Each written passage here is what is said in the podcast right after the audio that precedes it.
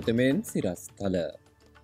රාජ්‍යතාන්ත්‍රික සමුදතා ගොඩනගමින් ඔස්ට්‍රලියාවේ විදේශ අමාතිවරිය සහ සමවා අගමැතිනි අතර දේශගුණික ප්‍රතිපත්ති ගැන සාකච්ඡා. දේශගුණික ප්‍රතිපත්ති පිළිබඳව පැවති රජයට වඩා වෙනස් ප්‍රතිපත්ති අනුගමනය කරන බව වත්මන් දේශගුණික හා බලශක්ති අමාත්‍යවරයා ඔස්ට්‍රේලානු හදිසි තත්ව ප්‍රධානින් හමුවේ පවසයි. බලශක්ති මිල වැඩිකිරීම ස්ත්‍රලයන් රැකයා විදේශ වෙත ලබාදීමට හේතුවිය හැකි බවට ෆෙඩරල් විපක්ෂ නායකයාගෙන් අනතුරු ඇඟවීම්. දෙවන එලිසබත් රජනගේ පලටිනම් ජුපලියට ඔස්ට්‍රලයානු අගමැති ඇල්බනීසිගෙන් උපහාර. මැයි නවවනදා සිදුවීම සම්බන්ධයෙන් හිටපු නාගරික මන්ත්‍රී මහින්ද කහඳගම අත්තඩංගුවට පාර්ලිමෙන්තු මන්ත්‍රී ජොන්ස්ටන් ප්‍රනාාන්දු සොයා CID කණ්ඩායම් දෙකක්.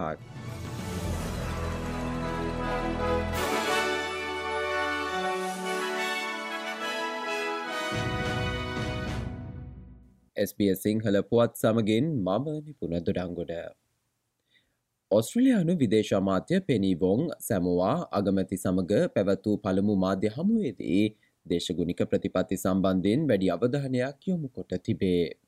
මේ ඔස්ට්‍රලයානු විදේශ අමාත්‍යවරිය දිවුරුම්දීමෙන් අනතුරුව පැසිෆික් කලාපේ සිදු කරන දෙවන සංචාරයයි. රාජතාන්ත්‍රික කටයුතුවලදී කේන්ද්‍රිය ස්ථානයක් වශයෙන් සැලකෙන පැසිෆික් කලාපේ ප්‍රධාන ගැටලුවක් වන දේශගුණික ක්‍රියාමාර්ග සම්බන්ධයෙන් පැබති රජයට වඩා වෙනස් අයුරකින් කටයුතු කිරීමට නව ඔස්ට්‍රලයානු ලේබ රජය ක්‍රියා කරයි. සමවා සඳහා ආරක්ෂක බෝට්ටුවක් ලබාදීමටද ඔස්ට්‍රලියාව කටයුතු කිරීමට නියමිත අතර මෙය සමුද්‍රිය ආරක්ෂාව සඳහා ඔස්ට්‍රලියාවේ කැපවීමේ කොටසක් වශයෙන්ද සැලකේ. කෙවින් රඩ්ගේ රජය සමයේ පෙනිවොං දේශගුණික විපර්යාස අමාත්‍යවරිය වශයෙන් කටයුතු කළ අතර ඇය පවසන්නේ පැසිෆික් දූපත් රාජ්‍යන් සමඟ ඔස්ට්‍රලයාාවේ මැතිහත්වීම සඳහා දේශගුණික විපර්යාස ප්‍රධාන සාධකයක්ද වන බවයි. සමවා සංචාරයෙන් අනතුරුව ඔස්ට්‍රලයානු විදේශමාත්‍යවරිය වන පෙනීබොං ටොංගා බලා සංචාරය කිරීමට නියමිත අතර පසුගිදා සිදු වූ ගිනි කඳු පිපිරීමෙන් සන්නිවේදන රැහැන් සඳහා සිදු වූ හානි හේතුවෙන් සන්නිවේදන සීමා සීමාවිය හැකි බවට වාර්තාවේ. කෙසේ නමුත් සමවා අගමැතිනිය වන ෆියාම් නයමි මතාෆා පවසන්නේ තම රට චීන රජයන් ඉදිරිපත් කළ යෝජනාවට අත්සන් කර ඇති බවට වැරදි ලෙස නිරූපණය කිරීමක් සිදුවන බවයි.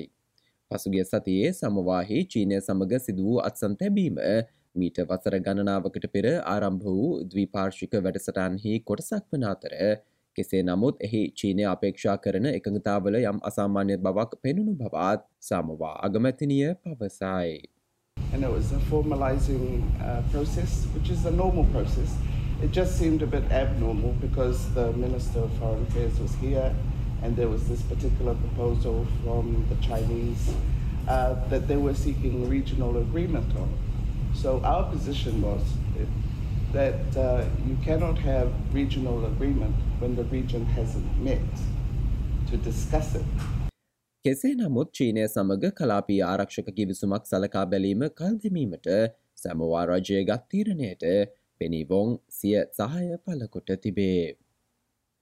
දෙදහස් දහනවේ සහ දෙදහස් විස්ස වසරවලදී ලැව්ගිනි අර්බුදයට පෙර තමන් හමුවීම ප්‍රතික්ෂේප කළ බවට ස්කොට් මොරිසන්ට චෝදනා කළ හිටපු හදිසි ප්‍රධානින් හමුවීමට දේශගුණික හා බලශක්තිය අමාත්‍ය ක්‍රිස් බෝවන් කටයුතු කොට තිබේ.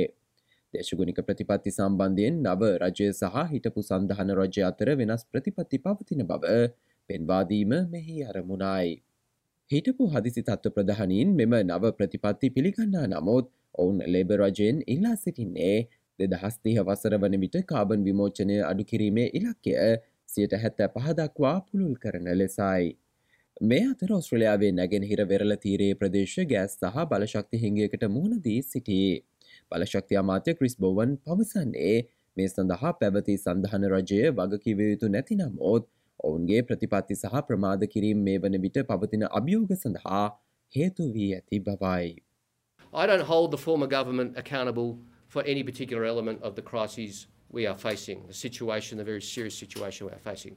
I do say this though, the former government's nine years of denial and delay, their 20 three energy policies, their ad hocery, their changes of uh, policy approaches have left Australia ill prepared and our energy markets ill prepared for the challenges we are facing today in relation to gas and energy supply. ලබන සතියේදී සියලුම ප්‍රාන්ත සහ ටෙරටරිවල බලශක්ති අමාතිවරුන් හමුවන අතර බලශක්ති ගැටලු සම්බන්ධින්ද සාකච්ඡා සිදු කරන බවත් බලශක්ති අමාත්‍ය ක්‍රිස් බෝවන් සඳහන් කරයි.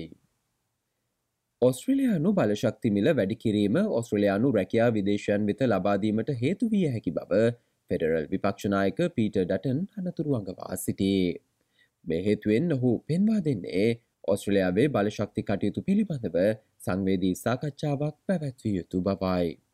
ඔස්ට්‍රලයාාවට පුනර්ජනනීය බලශක්තිය පමණක් සඳහා තාක්ෂණය තවමත් නොමැති අතර ෆෙඩරු රජය බලශක්ති ප්‍රතිපත්තිය පිළිබඳව ඉදිරියෙන් සිටිය යුතු බව 2GB සේවය වෙත ඔහු පවසා තිබේ. එමෙන්ම වත්මන් අගමැතිවරයා තම යෝජනා පැහැදිලි ලෙස සඳහන් කළ යුතු අතර රැකයා විදෙස් රටවලට ලබාදීමොසේ ඔස්ට්‍රලයාාවට එම ආදායම අහිමිවීම සිදුවන පවත් ෆෙඩරල් විපක්ෂනායක පීට ඩටන් පවසයි.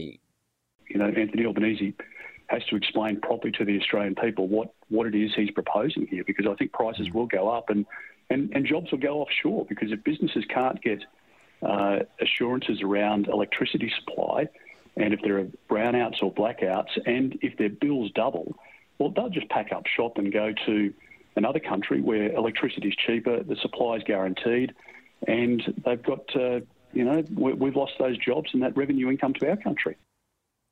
දෙවන එලිසබත් රජනගේ පලටිනම් ජුබිලිය සැමරීම ඇරඹීමත් සමඟ ඔස්ට්‍රලයානු අගමැති අන්තනි අල්බනිසි දෙවන එලිසබත් රජන වෙත උපහාර පුදකොට තිබේ. රජනගේ හැත්තෑ වසරක පාලන සමය සනිටුහන් කරමින් කළ දේශනයකදී ඔහු සඳහන් කොට සිටියේ ඇය බ්‍රතාානය කිරුල මත දශක ගණනාවක් පුරා ස්ථාවරත්වය පෙන්නුම් කළ බවයි. එමෙන්ම එක්දහස් නවසය හැට හතවසරේදී එවකට ඔස්ට්‍රලියාවට පැමිණ සිටි රජන බැලීමට ඔහුගේ මව ඔහුව බිහිකිරීමට රෝහල්ලට යන අතරමගදී ගොස් තිබූ බවත් ඔහු මෙහිදී සඳහන් කොට තිබේ. අගමැතිවරයා පෙන්වා දුන්නේ එලිසබත් රජින ඔස්ට්‍රලයාාවේ ප්‍රීතිපන්ත අවස්ථාවන් හිදී මෙන්ම අඳුරුතම දුක්කිත සහ දුෂ්කර අවස්ථාවලදීත් එකසේ සිටි බවයි. Australians hold Queen Elizabeth in respect and affection, even as the bond between our nations is no longer what it was at the dawn of her reign. No longer parent and young upstart, we stand as equals.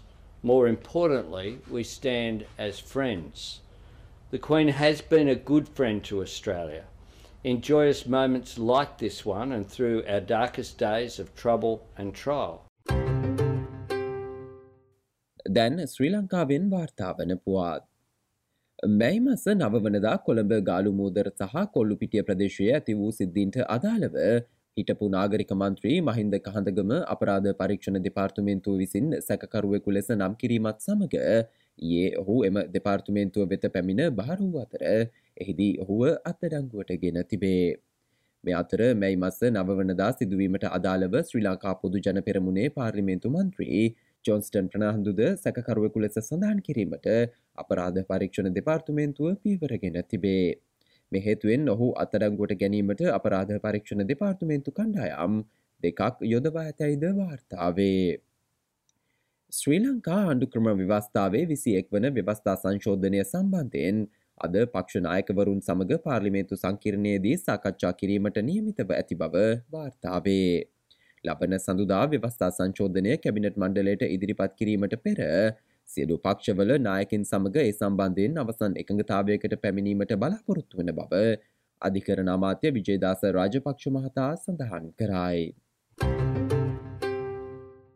දැන් විදෙස් පෝතාක් දෙවන Elizabeth රජනගේ platinum ජුබිලිය සැමරීම සඳහා දහස් සංඛ්‍යාත ජනකායක් ලන්ඩනයේ වීදිවෙත එක්රොක් වී තිබේ.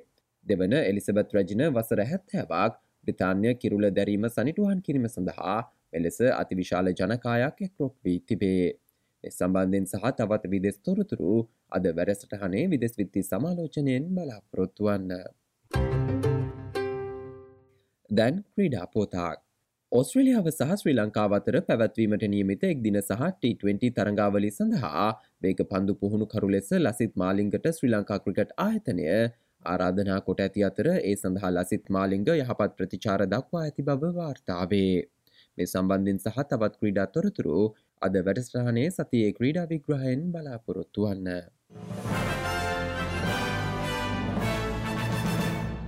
දැන් දවසේ ප්‍රධාන විනිමනු පාතිකාගයන් ඔස්ට්‍රලයානු ඩොලට සාපේක්ෂ ඇමරිකානු ඩොල සතහැත්ත තුනයි බ්‍රතාානි පවුන් සත පනස් සටයි යුරෝ සතහැටටයි ජපන්යෙන් අනු හතරයි සතතිස් නවයයි ශ්‍රී ලංකා රුපියල් දෙසි හැට එකයි සත හැට නබයයි. ඔස්ට්‍රලයාාවේ ප්‍රාන්ත සහට රිවල්ට දවසේ කාලගුණේ වාර්තාවන්නේ මෙලෙසින් සිනි සෙස සංචක දහටයි වැසි ඇතිවිය හැකි මෙල්බන් සෙස සංචක දොළහයි වැසි ඇතිවිය හැකි පත් වලාකුළු සහිතයි සෙස සංචක දානවයයි ඇඩිලේඩ් වැසි සහිත කාලගුණයක් සෙස සංචක පහලබයි හෝබාත් සෙස සංචක දහතරයි බලාකුළු සහිතයි කැන්බරා වැසි ඇතිවිය හැකි සෙස සංචක දායයි ප්‍රිස්බෙන් වැසි ඇතිවිය හැකි සෙස සංචක විසි දෙකයි ටාබින් සෙස සංචක තිස්තුනයි ආලක මධ්දිනයක් ශ්‍රී ලංකාවේ කොළබාස්ෘත ප්‍රදේශ අනුෂ්ණත්‍ය වාර්තාවන්නේ සෙස සංචක විසි හතයි වලාකුළු සහිත කාලගුණයක් ලෙසෙන්.